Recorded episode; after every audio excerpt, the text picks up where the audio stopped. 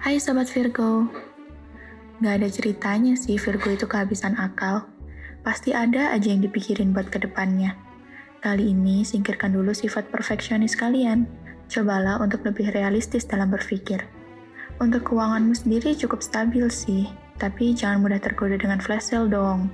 Udah tahu nggak penting-penting amat, masih aja dibeli. Mending uangnya ditabung aja.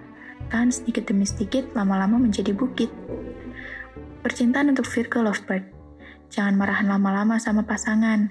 Mending saling memaafkan dan sama-sama mencoba untuk tidak mengulanginya di kemudian hari. Untuk sobat Virgo yang masih single, jangan patah semangat ya. Pada akhirnya, yang cakep itu bakal kalah sama yang asik diajak ngobrol kok.